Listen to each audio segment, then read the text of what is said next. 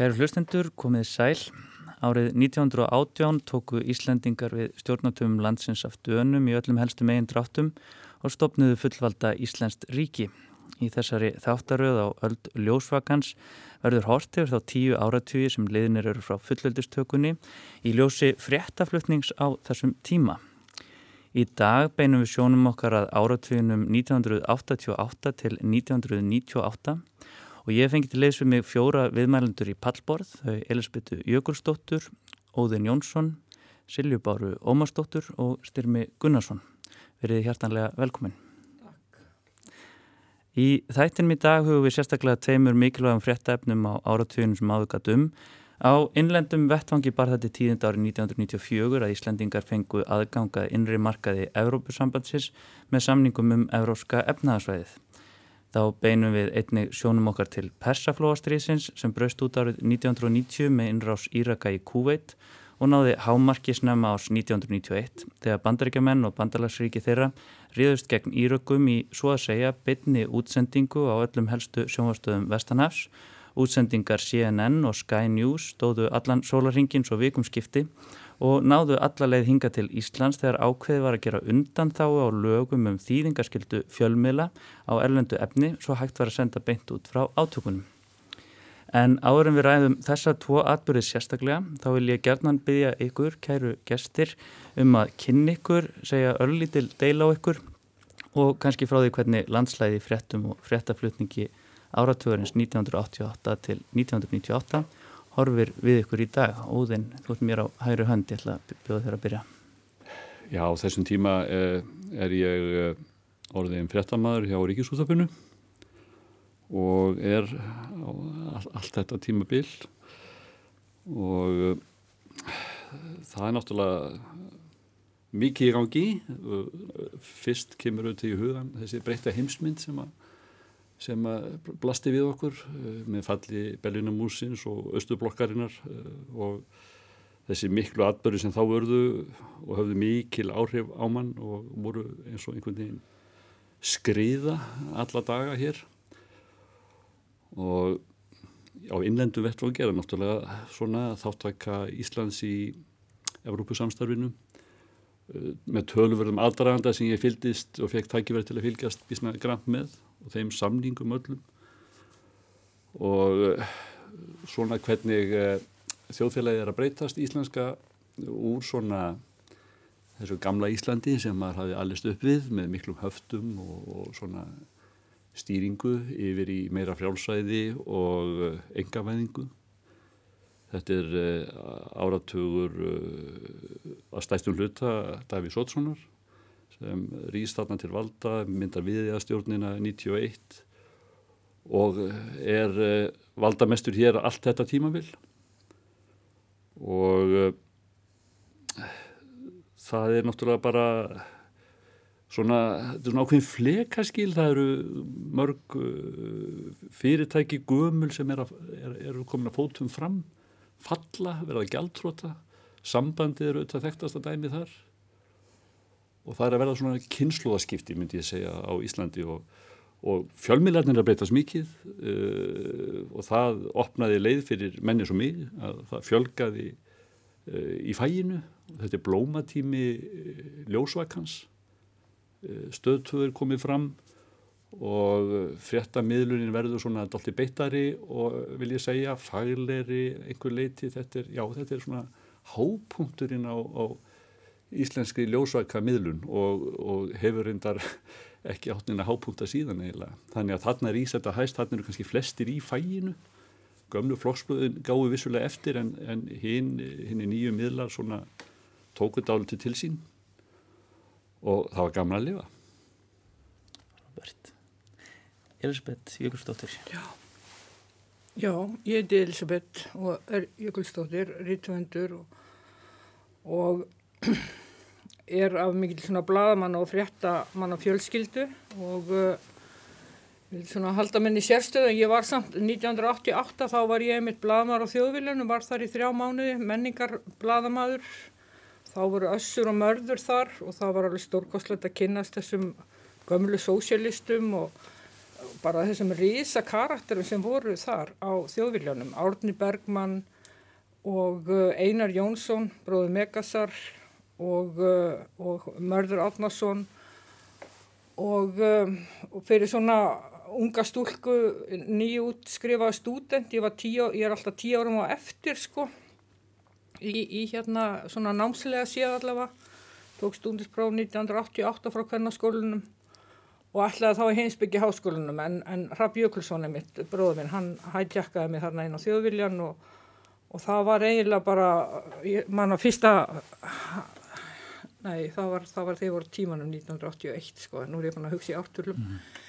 en, en hérna hann ríði mig þarna til að, að skrifa og það var eiginlega mest í skólinn var að kynnast þessu, þessu fólki, Elias Mar, Hildur Finnsdóttir og þetta var eitthvað sem maður býra að alla æfi. Að áður hafði ég myndi verið alveg upp á morgublaðinu, bara maður var þar, kom þangað og mann eftir Styrmi Gunnarsinni sem var alltaf svona eins og hann væri svona að koma siglandi þegar hann byrtist þarna. Hérna reittstjórnir voru öðrum megin og lagamennir hinnum megin. Þetta var svona eh, vist hýrakí eins og er kannski alltaf en, en allavega þá, þá hérna komaður þarna til mömmu til að fá fyrir mat og, og, og hérna fá húslikla og eitthvað svona þannig að, að alveg upp á morgunblöðinu í æsku. En en hérna já, þannig að eh, þetta er bara öruglega eins og með mig og alla að, að, að hérna maður treystir gleimskunni fyrir þessu, eitthvað verður svona eftir, eitthvað jafnvel bara í manni sjálfum og, og byrtist svona ákveðin augnablík en að ég fer alltaf strax í vörn alltaf og þarf alltaf að mótmæla öllu og þá hérna, finnst mér núna þetta þegar Davíð Oddsson rýst til valda að, að hérna þetta orð völd að ég held að, að það væri bara tímabært að fara að taka þetta orð út úr tungumálinu og, og fara að taka það svolítið frá þessum valdamönnum að, að ég hafi ákveði valdi við göngulægi mínu eða, eða hérna yfir því að rítöndminni eða einhverju þvílíku. En, en hérna mér finnst þessir menn vera kjörnir bara og konur til þjónustu og, og í staði fyrir að hafa einhver, hafa einhver völd og, og mér ofböð gjörsanlega eftir hrunið sko 2008 að þegar að ríkistjórnin var ekki lengur kvöldu stjórn eða, eða ríkistjórn heldur valdstjórnin. Og maður hugsa bara hvað, þú veist, hvaða hva, hver er að fóðra þetta tungumál sko, hver er að gefa dreganum að geta, mm. þannig að, að hérna Akkurat Við getum kannski komið betur já, að þessu. Já, ég er alveg komið í þetta núna. Ekki sko. spurning, sko. við hérna, eigum þetta inni, þetta við komum sér mjög vel. Það kan ég kella fyrir. Silja Bóra. Já, um, ég uh, hérna er stjórnmálafræðingur, alþjóð stjórnmálafræðingur og, og starfa á Háskóla Íslands og hérna þessi áratögur fyrir mig í raun og veru er nákvæmlega það að hérna, ég ég var að horfa á þessi ártöl hérna fyrir fram með og 88 sérst tók ég bílpróf og 98 uh, fekk ég masterskráðuna mína. Þannig að hérna, ég byrjaði í háskólanámi út í bandaríkjunum að læra alþjóðastjórnmál 1993 og uh, sérst var þar þá helmingin af þessum tíma sem við erum að tala um í þessum tætti og uh, því það eru þetta loka kaldastriðsins og, og hérna mitt persaflóðstriði sem á svona kannski margar einmitt upphafið að þessum hérna, þessum nýja tíma eftir það og, og breytingum að hérna, í mínu námi þá, uh, þá, þá fæið var ekki enþá búið að átta sig á hvaða væri eftir kaldastriðið þannig að við vorum að læra að reikna uh, brautir hérna, eldflöga sem skotið væri af landi og af hafi vegna þess að, að kjarnorkustrið hlitið ennþá að vera millir milli stórveldana möguleiki og svona. Uh, hérna, og þegar ég fer síðan og þegar ég líka sér meistagráðu 98 þá er ég farin að læra feminísk alþjóðarsamskipti og umhverju stjórnmál og, og annað og hérna sem auðvitað eru eh, kannski hlutir sem við erum að, að takast á við miklu miklu meira í, í nútímanum. En hérna heima þá náttúrulega kannski nýtið það svolítið að, að svona eftir á að, að hafa verið í burtu og uh, fjölmiðlarnir og þeir nefndi hérna breytingarna ljósvakinu þetta var að svona eh, hérna að blómstra og og ég man að því að ég útskrifaðist úr bíanámi með konu sem heitir Monika Lewinsky þá fekk ég símtöl frá uh, morgun sjónvarpi og að beða um að ræða e, þekkingu mína á þessari mannesku sem ég hafði nú ekkert nema bara rétt þekkt nafnið á þegar við vorum í, í grunnámi. En það var sem sagt morgun sjónvarp hérna á ríkisútvarpinu á þessum tíma. Og hérna eitthvað sem kvarf var horfið þegar ég kom heim. Og ég var mikið í burtu og náttúrulega lengdirnar voru kannski meiri heldur en það er í dag og þannig að einhver tíma þá liðu tvö ár á milliði sem ég kom heim og, og það sem ég man eftir breytingunni á þessu samfélagi er alveg rosalega mikil. Var farið út 93, kom lítið heim þanga til uh, í raun og veru 2003 þegar ég hérna, flutti heim en kom í steittri færðir og eitt af því merkilegsta sem ég man eftir er að það voru allt í húnum komin trí í Reykjavík. Uh, 98, 97, 98 þá bara voru trí elstaðar þetta hafði bara, það var bara landslægi var breytt fyrir utan að allir voru konum með GSM síma og, og svona, hérna, svona samfélagslega breytingar. Og allir alltaf að senda SMS í röðurum á skemmtistöðun þannig koma staðið hvort það væri virkilega eitthvað gaman inni þess aftur að fara inn að tjekka á því. Morgun sjónvapið hefur líklega verið á um stöðartöð En það var líka eitthvað á, á, á rúf Akkurat. Styrmir Gunnarsson. Já, ég sem sagt starfaði á morgunblæna á þessum tíma sem þú vart að vísa til var búin að vera þar frá ánur 1965 þegar að ég laug lagaprófi. Og uh, það sem mér er svona eftirminnilegast frá þessum árum 88 til 98 það uh, eru tvö, stór, tvö stórstríð sem við á morgunblænu stóðum í á þessum árum nákvæmlega. Það var einhvern tíman eitthvað lok nýjunda áratugurinn sem Mattías Jóhannesson fór að tala um það við mig og Björn Bjarnarsson að honum hugnaðist ekki þróunin í, í, hérna, í fiskveðistjórnarmál mislendinga og taldi að það væri verið að koma á hér einhverju lénskipulagi. Og það tók mig aldrei langan tíma að skilja hann Mattias en svo fór ég að skilja hann.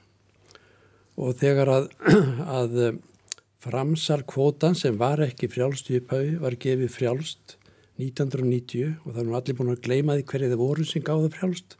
Það var vinstirstjórn Það var ríkistjórn sem var framsvöldnaflokkur, alþýðflokkur og alþýðbandalag áttu aðildað sem að gáfu framsali frjálst sem að margir töldu á þeim tíma að veri mesta egna tilfasla sem framkvæmt hefði verið á Íslandi í 500 ár frá síðaskiptum. Og ég held að það sé mjög mikið týrið því. En sem sagt eh, vegna þessara svona hugmynda og hugleðinga Mattiasar, skáldin hafa stundum eru stundur næmari fyrir tilverinu heldur neðrir að þá hófum við mikla herrferð að morgunblæðinu rít stjórnarlega hérna fyrir því að er tekið öðlindagjald í sjáurutegi. Það er að segja að þeir sem að e, vildu veiða fisk úr samvegt þjóðarinnar, fiskimjónum, að þeir eru það borga gjald fyrir það.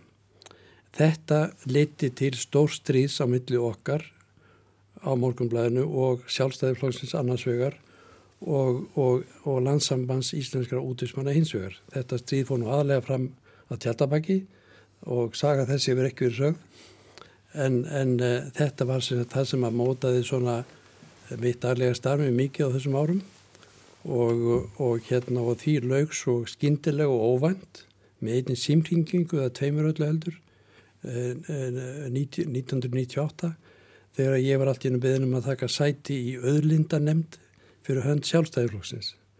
Eh, mér hafi verið þegar ég var ráðin í Ístjórnbladsins var, var mér bannað að taka með trúnaðar störf fyrir sjálfstæðiflokkin og þess vegna þá leitaði ég eftir samþyggi eigendabladsins við því að taka sæti þessari nefnd og það var samþygt og ég sem tók sæti þeirri nefnd sem leiti svo til þess að sjálfstæðiflokkurinn tók upp auðlindagjald sem grundallarstefnu á landsfundi 2001.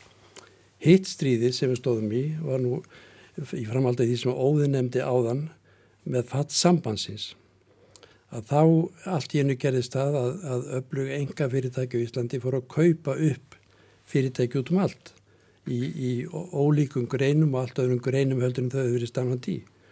Og við þóttum sjá það á morgumblæðinu sem að töldum okkur verið að bera til sjálfsins samkeppni að enga fyrirtækinn væru að breytast í einhvers konar einogunar fyrirtæki í enga eign og við vorum þeirra skoðunar að, og höfðum verið þeirra skoðunar alltaf tíð, að ríkis einogun væri á hennu vonda. En við vorum líka þeirra skoðunar að einogun enga fyrirtæki væri, væri, væri af hennu vonda. Og þess vegna stóð við samhlýða þessum átökum við, við hérna útgerðamennina og sjálfstæðiflokkin þá stóðum við í öðru stórstiði við viðskýtarlífið í Reykjavík og það fór líka fram á tjaldabæki. Þannig að það er þetta tvent sem að svona ég mann mest eftir úr mínu starfi á þessum árum. Þú eru að fara að skrifa bókum þetta stríðin á tjaldabæki. Þetta er nú eina ágætt hugmyndaði, Elisabeth, mér er ekki tótt þetta í hug. Rætt. Þú nefnir þetta hérna svona mjög pólitísk mál bæði, ég, ég, viljið þið eitthvað, hafið þið eitthvað um þetta að segja, viljið eitthvað koma inn á þetta? Já, maður horfið náttúrulega og lest morgunblæði dag og sér hverjir hafa unni stríðið þannig að tjaldabæki. Akkurat. Akkurat. Þetta er fyrir mig æsku og, og, og búset og ellendis og ég bara, það veist, ég þekki þetta ekki, ekki náðu vel, sko. Mm. Morgunblæðin er náttúrulega alltaf verið ólíkind að tól, sko. -hmm. En... Uh, en, en hérna en það var einmitt gaman eins og núna, núna er þeir ekkert, vilja er ekkert af neinu auðlinda gjaldi vita og, og ég áttaði mig líka á því þegar ég beðnum að vera hérna og fara yfir, lítið við farin veg þessa, þessa áratögi að þegar maður hérna sér forsýður til dæmis blaða af til dæmis bara falli Berlínamúsins hvað það er ólíkt eftir, eftir blöðum og þá náttúrulega eiga, eiga stjórnmálaflokkar fjölmiðlana mm. og nú er það peningamenn sem eiga mm.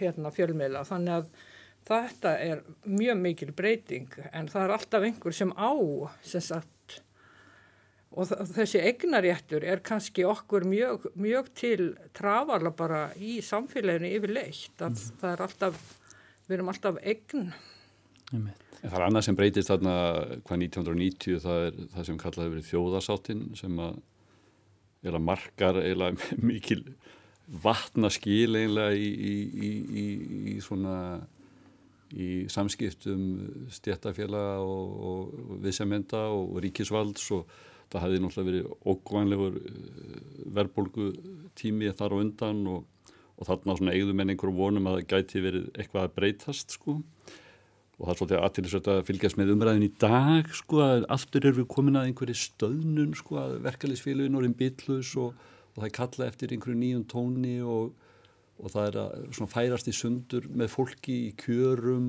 og, mm -hmm. og kalla eftir einhverju nýri hugsun. Valda elitann í landinu einhvern veginn skamta sér svona einhvern veginn góð kjör og styrmir hefur nú skrifað um það meðal annara og hinn er einhvern veginn sitja eftir og það þarf einhverja nýja sátt. Já Akkurat, það verður þetta ég... að halda kannski þessar umræðu svolítið lengi áfram. Uh, ég er að hugsa hvort ég um að fá að vinda okkur í, í svona mál-málana en hérna Elisabeth, þú vilt koma einhver að Já, nei, mér fann, ég er bara nýlega því ég er með fréttagjörning á Facebook síðunum minni þar sem að, að ég er svona ástriði manneska fyrir fréttum og og uh, einmitt fekk alveg bara skóla í það að skrifa fyrirsagnir, byrja fréttir, taka úrdrætti og gera þess að alla þessa tækni sem að ég einhvern veginn svo yfirgaf bara og fór að skrifa mína bækur og, og uh, svo einhvern veginn uh, núna segja menn ekki hvað segir gott, heldur spyrja hvað er að frétta? Og það er svolítið aðdilsvert og, og uh, þegar ég var að gera hana fréttagjörning sem að okkar ágæti fréttarítari Freyr Eyjólfsson eða okkar, já, hann, hann reyð þarna vaðið með, með hérna fyrstu frétt hjá mér í gjörningnum En það er einmitt þeir sem, hún er að tala um, hérna rítstjóri ennska hluta BBC World Service og hún heitir uh, sem sagt Mary Hockaday, þú þekkir hún aðruglega mm -hmm. óðinn. En hún segir hérna því að þrátt fyrir að það sé ógrinna fjölmjölum um allan heim þá er ekki margar fréttastofur sem bjóða alþjóðlega sín og fréttir og reyna að tengja fólk saman og mér fannst þetta einhvern veginn algjörlega ný hugsun sem að einhvern veginn erti svona heilan í mér.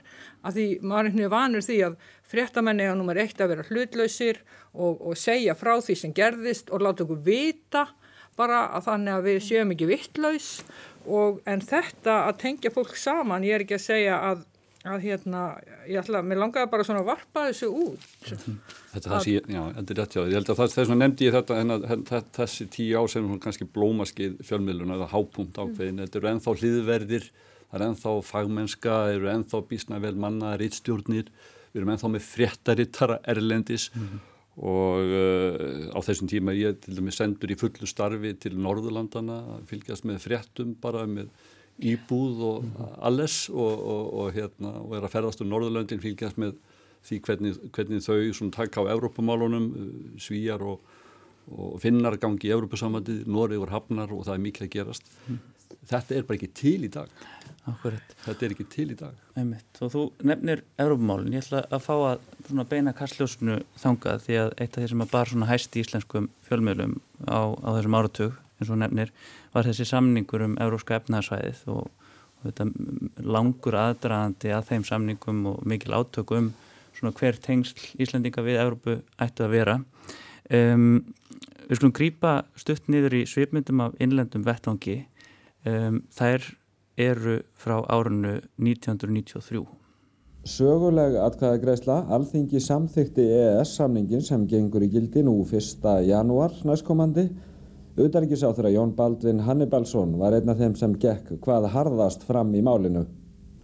Ég má ekki til þess hugsa hverjar afleiðingarnar hefðu orðið fyrir okkar þjóð ef þessu hefðu verið hafnað. Nokkrir þingmenn framsónaflokks áttu hjá. Formaðurinn vildi fremur tvíliða samning við EBI og hann vonast til að við sógumst hvorki inn í Evrópubandalagið eða inn í það fjármálaveldi sem margir er fannar að kalla Bundesbankveldi. Þrýstingur var á fórsata Íslands, anstæðingar EES samnings hvöttan til að láta gjörningin ganga til þjóðaratkvæðagreislu. Nokkur óvisa var ríkjandum hvernig fórseti breyðist við áskorunum.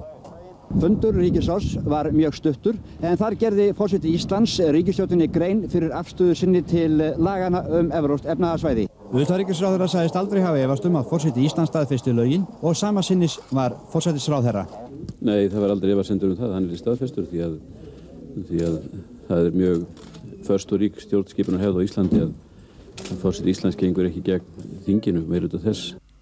Kanski bara nefna strax að það eru þetta svolítið sláandi nútíma samhengi að, að þarna eru bara kallmannsrættir að hérna konan sem að, að er þarna neytar ekki að skrifa undir lögin og taldi sig að er eh, eins og ég skil söguna taldi sér raun og verið ekki að hafa umbúð til þess og, eða sér er þið ekki sætt á stóli fórseta ef, ef hún gerði það og, og eh, niðurstaðan er þið mögulega önnur uh, hérna að, já, að, það, að við heyrum ekki, ekki í neinum uh, neinum konum Akkurat. það eru þetta svolítið ábærandi og hérna en síðan auðvitað er þetta þessi samningur síðan eitthvað sem að, að uh, já var, var hérna því að nú skoðað hérna svona hvernig, hvernig hvern frelsi og, og feminismi hefur byrst og myndast í íslensku utaríkistefnu og þá er líka áhugavert að, að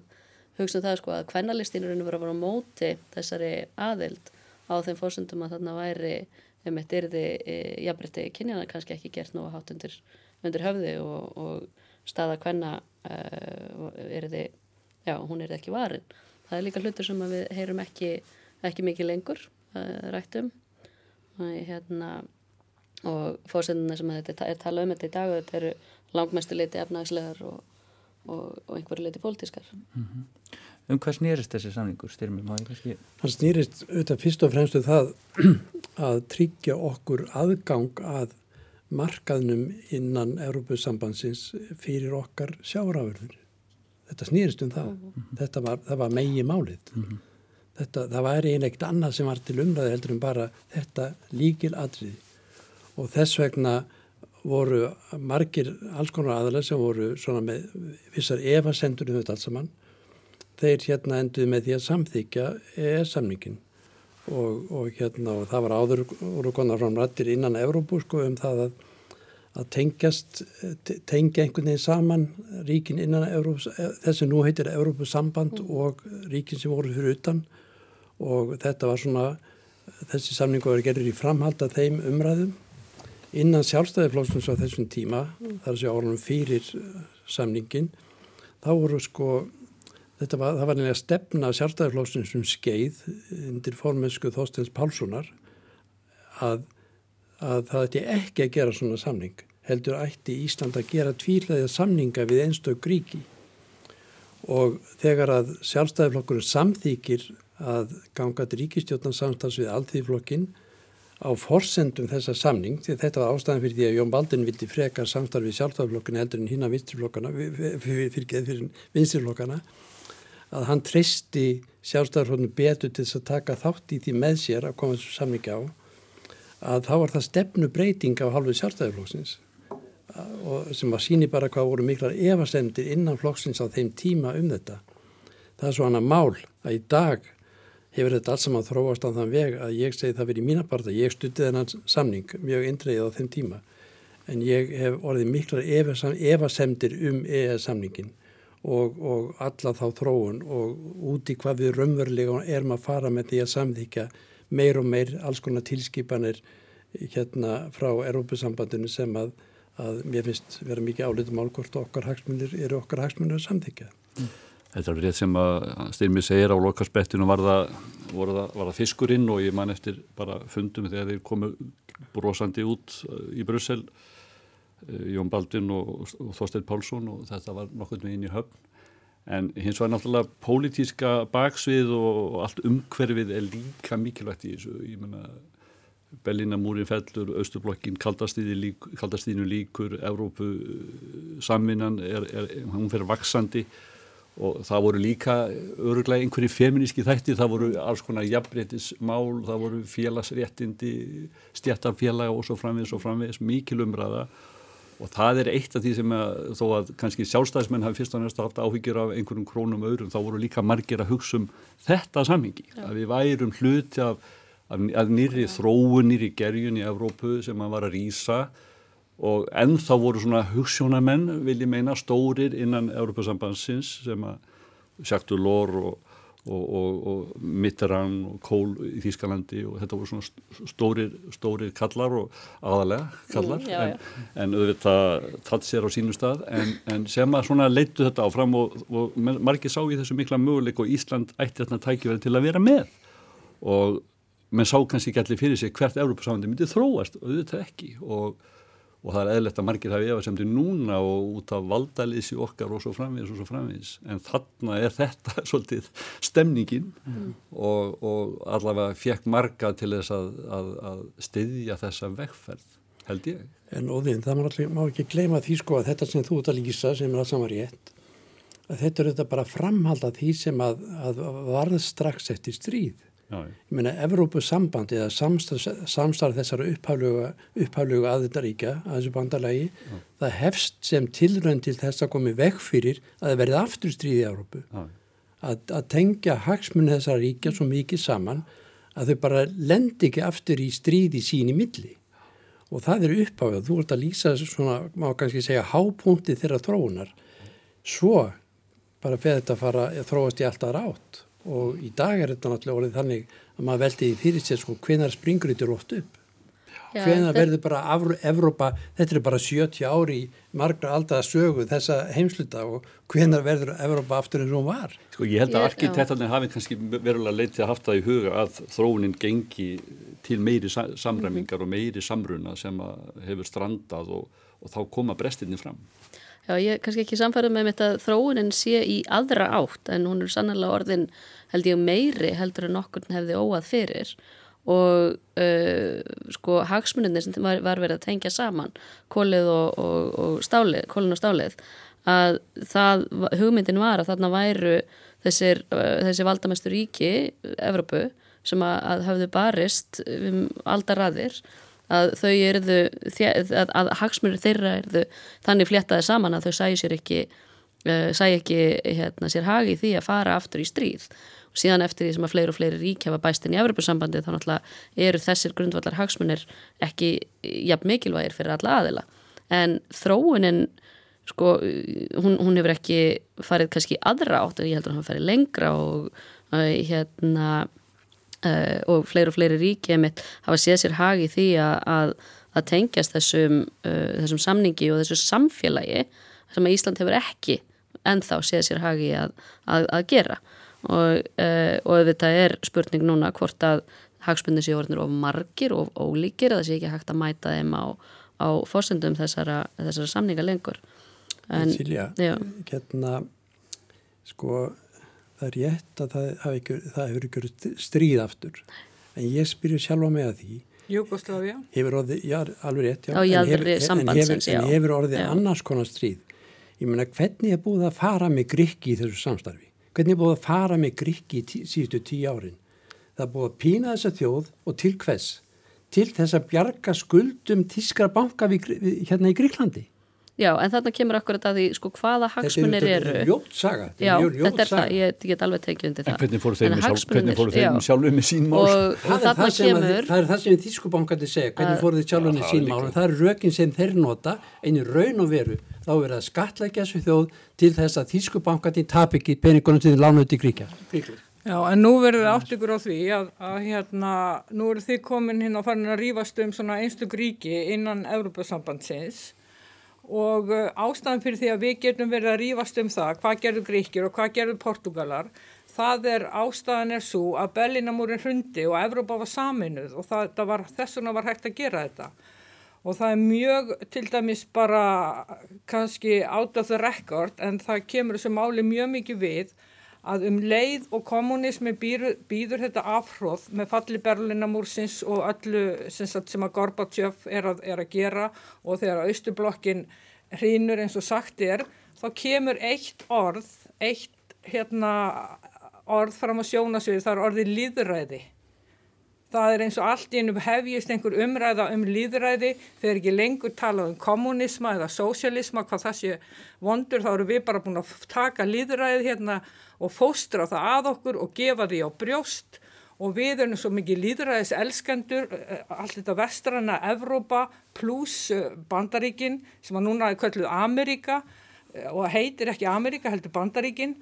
Og, og við skulum bara aðtuga það En allt í einu kemur þessi rosalega líðræðis umræða þegar við erum ekki lengur og við erum búin að út, það er ekki lengur satt kapitalismi, kommunismi, sósialismi, heldur erum við að passa á líðræðið. Anna, já, þetta er rétt og það er annað orð sem kemur fram líka á sjónaröðsviði held ég á þessum tíma og það er allsjóðavæðing, er það ekki? Jú, jú það þetta fyrirgeðu, þetta orð líðræði, það er notað eins og blöyt tuska í andlitið á okkur. Já. Þegar Káranhugavirkjun er reist, þá bara líðræðinu veifa svona eins og blöytri bortusku, með fyrir virðingu fyrir bortuskum, skilur við, að bara að, að hérna, þetta er ekki líðræðislegt og hitt er ekki líðræðislegt að áður hefði það verið kapitalistist eða kommunist, skilur við, mm. en nú er allir bara eh, líðræðið orðið bara eins og, eins og við vitum all hvað líðræði er, eins og frelsi, við vitum ekkert hvað frelsi er. Frelsi er bara annað klukkan áttum kvöld, heldur en áttum morgun mm. Og svona eru þessi hérna, stóru orð, þannig þó við séum alltaf að leita einhverju svona grundvallasannindum mm -hmm. en, en hérna, þannig að mér finnst þetta mjög aðriðsvert mm -hmm. að, að við saminningu Evrópu getum við farið að rýfast um, um líðræði og, og þetta. En þetta kemur auðvitað mjög uh, skýrt fram, það er auðvitað bók uh, Francis Fukuyama um endalók sögunar uh, hérna að þessi átök milli kommunisma og kapitalisma hafi raun og veru falið í sér sigur kapitalismans og mjög ofta þá er kapitalism og líðræði tengt saman að, mm -hmm. að þetta frjálslindu opnu hagkerfi uh, sem að það sem að líðræði á að, að vera við líði að, að, uh, og, og þess, þetta tímabil eftir fall uh, Berlinumúsins og, og lokaldastæri sem gerðna kalla þriðja bylgja líðræðisvæðingar í, í, í heiminum. Þannig að þetta er alveg, alveg hárétt allt í hennu kemur þetta orð og fyrir að merkja alls konar hluti þar sem að fáir hafa kostningarétt eins og ég sátt í Arabíu þar átti samt að þau vildi samt allt í nú fara að kalla sér líðræðisríki mm. uh, hérna, sem að, að mínum að þetta vantar tölvert upp á en þá að, að það eigi við. En við erum svo vittlust líka, allavega ég er svo vittlust, ég trúi því sko að um leið og að verða að hérna, reysa múr að um leið og byrja að reysa múr þá, þá byrjar að hrinja múr sko að þú Já. leið og reysir hann þá hrin, byrjar hann að hrinja Já það er eins og, og, og styrmi nefndi þessu skuggalið þessa nána samstarfs og flæði fjármagsins, þessi örlu girkja og vondastada sem er vonandi að breytast núna í, á næstunni en skellifilegt fangilsi sem þeirra verið í. Þetta er náttúrulega þetta, þetta er þessi kímar alþjóðvæðingarinn sem að eru einhvern veginn að blasa við okkur núna með sko ónýtum yðnaðasvæðum í bandaríkjónum mm -hmm og, og, og það er dótið sem að Trump notar í, ja, notaði í kostningunum það voru húur frá Kína og svo fram sko, og svo er hann komin í stríði sömu kínverja. Og eins sem er náttúrulega eh, sko miðjan hefur grætt þjóðverð að standa vel mm -hmm. en margir í aðræðnir standa ekki eins vel. Já, já.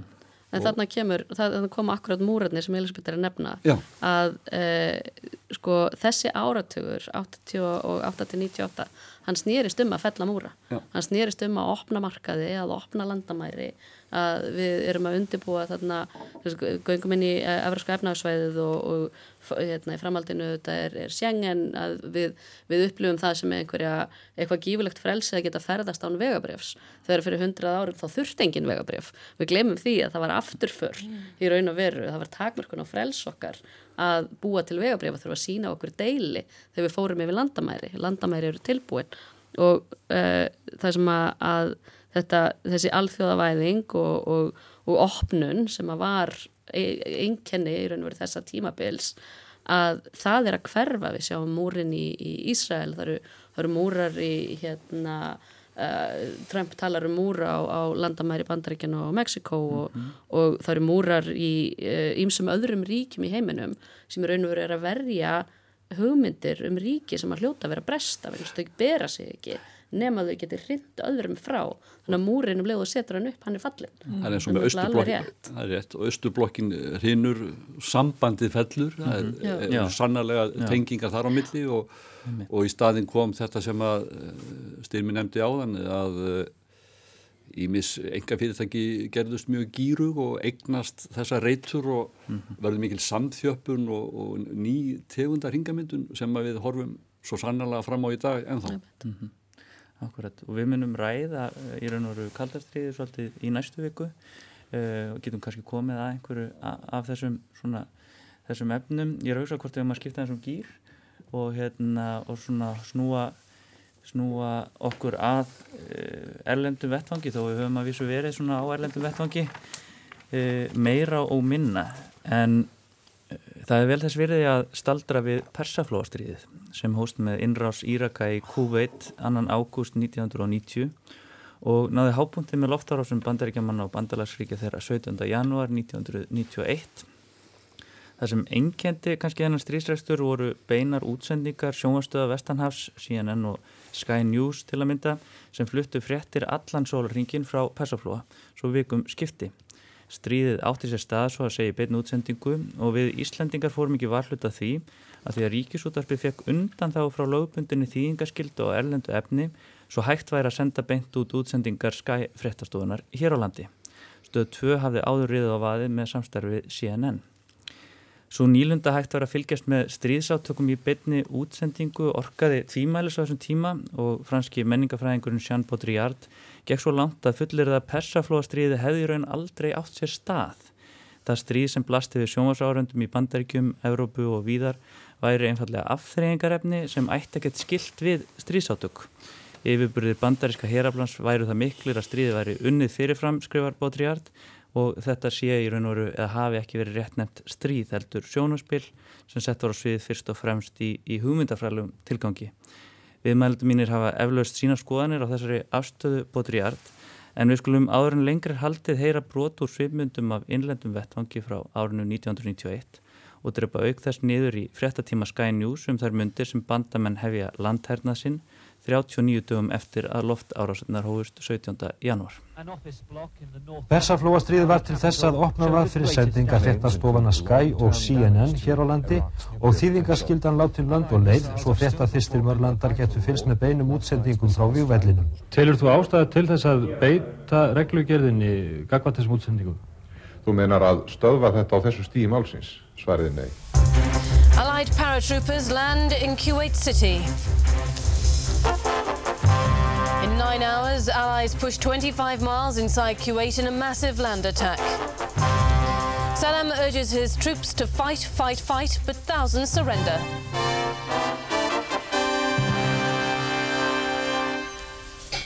Good morning, you're watching Sky News. 24 hours continuous coverage of the Gulf War. It's 10 o'clock, I'm Penny Smith. Good morning, I'm Stephen Cole. Day 39 of the Gulf War and day one of the long-awaited land battle.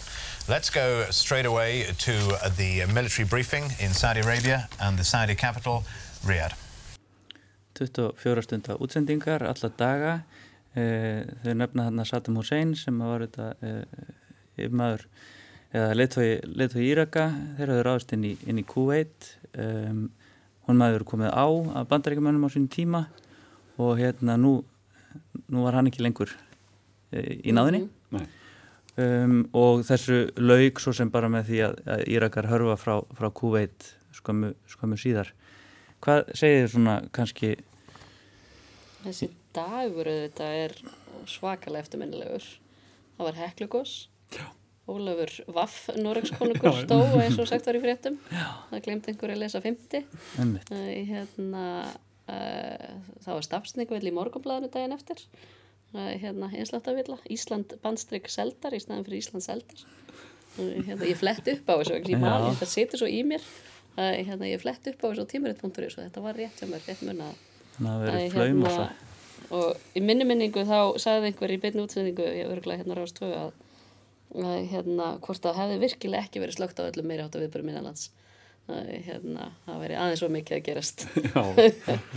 Ég gerði- þegar það byrjaði að gjósa Ég gerði þér að segja leit að fréttatíma Já. á þessum tíma og Já. ástæðan fyrir að ég er með innlendar, innlendan annálega þess að svipinnar er bara að ég, þetta verðist ekki vera til því miður. Nei, ég Það held að þetta ekkit- hefði verið í svona einhverju síðdæðis útvarpið eða eitthvað þess að það sko Það ætti nú vera til eitthvað af þessum fréttatímum en Já. þetta var náttúrulega gríðarlega mikið að gerast þarna og þarna fengum við sveitamennir svona einhvern veginn insýn í þennan flaumósa fréttaflutning eh, alþjóðlegra stöðva sem er einmitt hlut af þessari alþjóðavæðingu sem við vorum að tala um. Þannig rótni stórir heimsmiðla sem eru með allt sviðið og, og mörg frétta og aftreyingarefnis. Já. Einhvern veginn flýtur svona pst, í báðar áttir og þetta er stend, gengur alltaf mikið út á stemningu og, og stuð og þetta er svona kannski upphafið að, að fréttamennsku sem að, og einhvers konar upplýsingamiðlun sem við blómstrar enn á netinu. Þannig netið ekki orðið til. Og eh, þessir atbyrði náttúrulega jóði rifjast upp og kannski aðalega það hvað þetta breytti miklu þegar til lengri tíma er litið þó að hafi, þessu hafi lokið til tóla snögglega af því að Bús eldri hafði kannski vit á því sem að sonur hans hafði ekki að það væri kannski ekki rétt að, að hundelta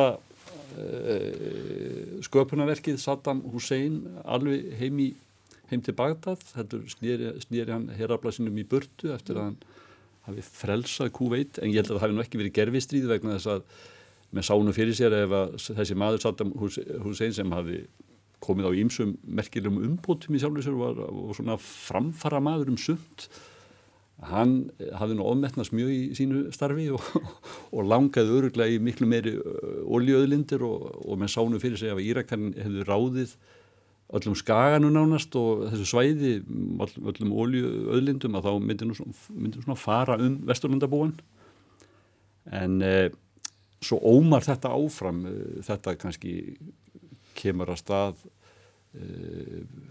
Ósama bin Laden og hans mönnum sem að fara að snúa sér að Vesturlöndum og svo framvins og svo framvins það er Írakstríði 2003 sem er svona einhvern veginn svona framhaldstenging við þennan flóabardaga eða þetta persaflóastríð. Er það ekki?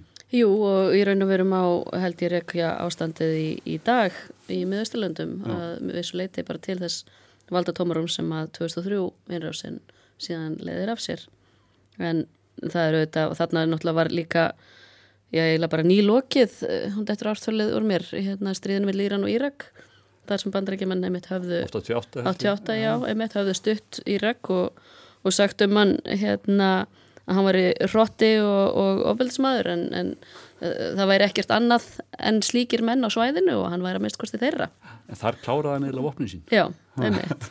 Og, og var nokkuð einmitt varnarlaus eins og Martin vísaði í hérna með að, hérna, yfirbyrði bandarinska herraplans og það kemur kannski líka þetta er þessi tæknibreiting með útsendinguna eitt en, en það er líka þessi, þessi stóru já, hvort við höfum að kalla þetta stórt stríðið ekki, þá náttúrulega líka eru alls konar tæknibreitingar á vettvangi sko hernaðar. Þannig að, að bandaríkjaman vildu prófa ákveðna hluti. GPS tækni. Já, um eitt sem að gáttu notað og, og svona þurftu að þess að læra á það er hérna þannig að, að Mikla nýjunga sem núna er bara í hverjum einum Já, sem er bara með í lofanum sko hérna, þannig að þýleiti er þetta sko að gera þetta um leið að afþreyingarefni er uh, já, það er svolítið sláandi Það er spurning hvort að stríði í höfðinu sé ekki bara svolítið merkilegra heldur en persaflóa stríðin öll. Mm. En eins og við erum svo fljóta að gleyma og, og lifi gleymskan en hérna sko þegar ég var úrlingur þá var ég alltaf að skrifa rítgerður um hvað bandarækjamennum voru að gera í Suður Ameríku yeah. og þar komu þeir og fótt hverjum hersöðingum og hættur öðrum og þetta er bara svolítið þreytt hjá þeim og þetta er alltaf það sama og nú er þeir þarna í þessu, í, hérna á þessu svæði og maður einhvern veginn freistast til að trú ekki orði af því sem er í gangi að, að eins og með tvíbraturna árásina Star Wars áætlun Ronald Reagans geti hún ekki bara fallið undir það að hverjum öðrum en bandaríkjaman ditt í hug að fara með flugvilar í gegnum svona háhísi, þetta er bara svona eins og stó, hver hann er stórslísamind ja, Tom Clancy hafði skrifað um flugvilin Ég er samt ekki mjög hrifin á samsæriskenningum en, en þú veist þarna þetta Það er sér hugmyndin var frá bandaríkjaman er ekki bandarískur en, Bush gamli, hann hafði í kringu sem menn sem, að, sem að höfðu verið í Vítnámsstríðin og þekktu það og, og hann vildi ekki að þetta stríð dræðist á langin og, og sá fyrir, þetta var kviksindið og ég meina múrin var fallin Já. og það var svona jákvæð, jákvæð bilgja með Vesturlöndum en þetta varða að vinnast og, og, og snögglega Jum. og það var alltaf stefnan. Ég verði að segja það að mér finnst því þrjú, öll, þrjú vera mjög sjálf hverf í sambandið þetta mál og hugsa svona bara um þetta í núinu. Sko það er ástæðið til að fara miklu lengra aftur í tíman í sambandi við þetta ástand í miðausturlöndum sem að þetta stríð sem að, þetta, sem að þetta stríð hérna sprettur af. Og hérna og ég myndi vilja fara svona rúmlega hundra ára áttur í tíman Hvaða, hver, hver er bjúkull þessi ríki sem er að berjast? Hver er bjúkull Írak, hver er bjúkull Líbanon? Hver er bjúkull Síland þessi djöfulsins nýlendu veldi í Evrópu. Já. þessi djöfulsins nýlendu veldi í Evrópu sem tellir sig síðmentustu þjóður heimi mestu menningar þjóður heimi. Það eru þessi ríki sem hafa skapað þetta hérna ástand, þetta stríðs ástand sem hefur ríkt í þessum heimsluta í minnstakosti 100 ár. Og, og, og Írakstríðið hérna, persaflóðastríðið átökin hérna millir Ísraels og Arabana og allt þetta, allt saman vegna afskýta hérna miklu menningaþjóða í Evrópu af þessum heimsluta já, já, sem en... að stundu þá, þá yðju að ræna eignir þessari þjóða að ræna þessar þjóður eignum sínum. Draga línur í sandi og, sko, og, og, og þetta, er ást, þetta er ástæðan þetta er ástæðan fyrir þessum stríðum. Og mín, mín niðurstæðir svo Elisabeth eftir að hafa horta á þetta allæfi ég segi við sjálf á mig í dag og búin að segja við sjálf á mig nokkur undanverðin ár bandaríkjumenn eiga að fara í burtu frá miðustöndum, bara hætta afskýtum af miðustöndum aðrar þjóður eiga að hætta afskýtum af miðustöndum þessar þjóður verða að gera út um sín mál sjálfar Já, svona er þetta náttúrulega, þetta er ekki bara bandaríkin, þetta er líka sko spánverjar og portugalar, þeir skiptu Suður Ameríku, þeir skiptu Östurlandun, Kína og Indlandi, skiljur, það er hérna, þannig að þetta er við getum náttúrulega alltaf farið þarna aftur og, og rætt þetta en, þetta er ástæðan, þetta er rótið sko breytar og frakkar skipta svo ég verði ennþá sjálfkröfarveri og grípi hérna fram í að þá fór mamma til Kuwait að frelsa gísla gísl sem var öruglega sett á svið af bandrækjafósita það er alveg rétt já, styrmi, við lifum náttúrulega sjálfkverfu tímanum og já, það er kannski ekki skrítið að við horfum á það er gott að vera sjálfkverfu mjög, mjög gott. Og, og, og gott að mun eftir persaflóastriðinu vegna þess að þá er kannski að byrja margt af því sem við sýtjum uppi með ennþá. Gríðarlegan eftirlitsinnað mikið eh, fylgst með fólki allstaðar það byrjar eiginlega þarna það er svona afleðing af þessu og það er kallað frelsi. það, já það var flóið á turna og það þurfti að geta þess að menn fari ekki vopnaður um borði og nú það er búin eðilega fyrir manni í millilendaflug ég fer ekki út. Út, út, af, út, af, út af þessum örfóðu mönnu sem að ógæfu mönnu sem að út af þessum örfóðu ógæfu mönnu sem að, sem að rændu þessa, þessum flugvélum. Og, og, og heiminn er bara allur annar.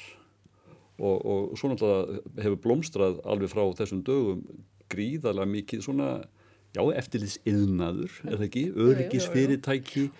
þetta er, þetta er miljard og tugmiljardar business. Sem eru þetta miklu leiti sko síndarleikur vegna þess að við gætum verið miklu örugari ég höfði þá nögt tíman að það var Ísraels fyrirtæki sem hefði bóðið bandrækjumannum uh, miklu nákvæmara og örugara eftirlit á flugvöldum en það er bara ósýnilegt. En við þurfum, við fáum öryggistilfinninguna úr því að fara úr skónum. Okkur finnst eins og það sé eitthvað verið að gera til þess að gera okkur örug Já, en ef það væri bara, ef það væri bara ósynilegar myndavilar sem fylgdust með okkur þá myndum við ekki sjá það, myndum við ekki telja að það væri verið það. Þetta er auðvitað einmitt, öll þessi tækni sem að er að byrja að þróast þarna að, hérna, að, og, og hún er að miklu leiti bandarísk. Að, þar hafa hérna, þannig að, að þú veist, þó að, að brettar og frakkar hafi skipt upp með Östurlöndum eins og, og, og styrmir er að vísa til þá er það bandaríkjumenn sem er stígun í valdatómarúmið sem að myndast í lóks fyrir heimstyrjaldarinnar þá eru þeir sem að eiga við tölum um Pax Americana eftir, uh, hérna, eftir síðari heimstyrjaldina í, í mínum fræðum þá eru bandaríkjumenn sem að, að eru kjölfestan í alþjóða skipulæginu og Bush eldri sem að, að fyrir þetta stríð að uh, 11. september held ég 89 frekar en 90 þá held hann ræðu það sem hann talaði um hefði nýja heimskipulag sem átt að byggja á mannréttindum og, og hérna mannréttindum og frelsi og, og opnu landamærum og, og ekki árið setna hérna, árið setna þá er hann komin í þetta stríð.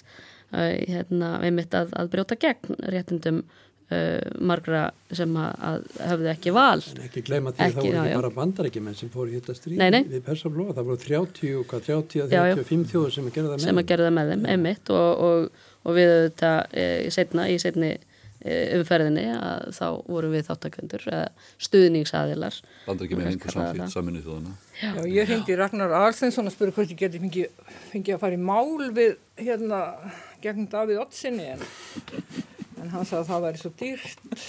En ég allavega hringdi og spurði. En, en núna í, í áttaði mig á því sko að það sem að hefur rauninni gerst í heiminum það er að, að orðin hafa gjaldfells, þessi orðið svo frelsi mannréttindi líðræði þau eru í rauninni það búið að gjaldfella þau.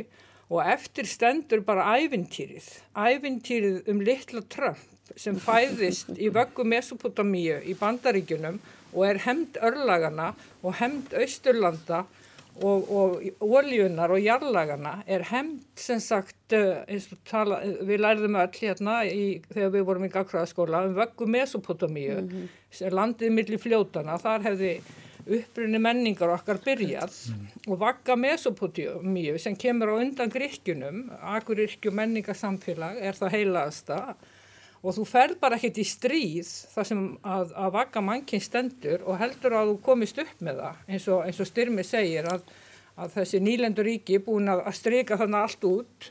Og, og síðan það sem að mín kenning er svo að, að hérna, bandaríkjumenn hafi tekið vöggu Mesopotamíu sem herfang og tekið að með til Washington vögguna, þar hafi hún verið geimd í læstum afkíma og þar hafi skrimslið fæðst. Donald Trump. Held- og, og hérna þar með ævintýri. Við erum núna ofurselt ævintýrinu. Við erum búin að gjaldfella öll intellektuál orðin Þú ert búin að drepa allar, allar fréttaskýringar, allar eru er, allar marklösa hér. Ég held að við þurfum bara að, að, ljúka þessu hér. Ég þakka ykkur kærlega fyrir komuna Óðinn, Elisabeth, Silja og Styrmir. Þið verðið með okkur að vikuliðinni. Ég þakka hlustendum fyrir að hlusta. Verðið sæl.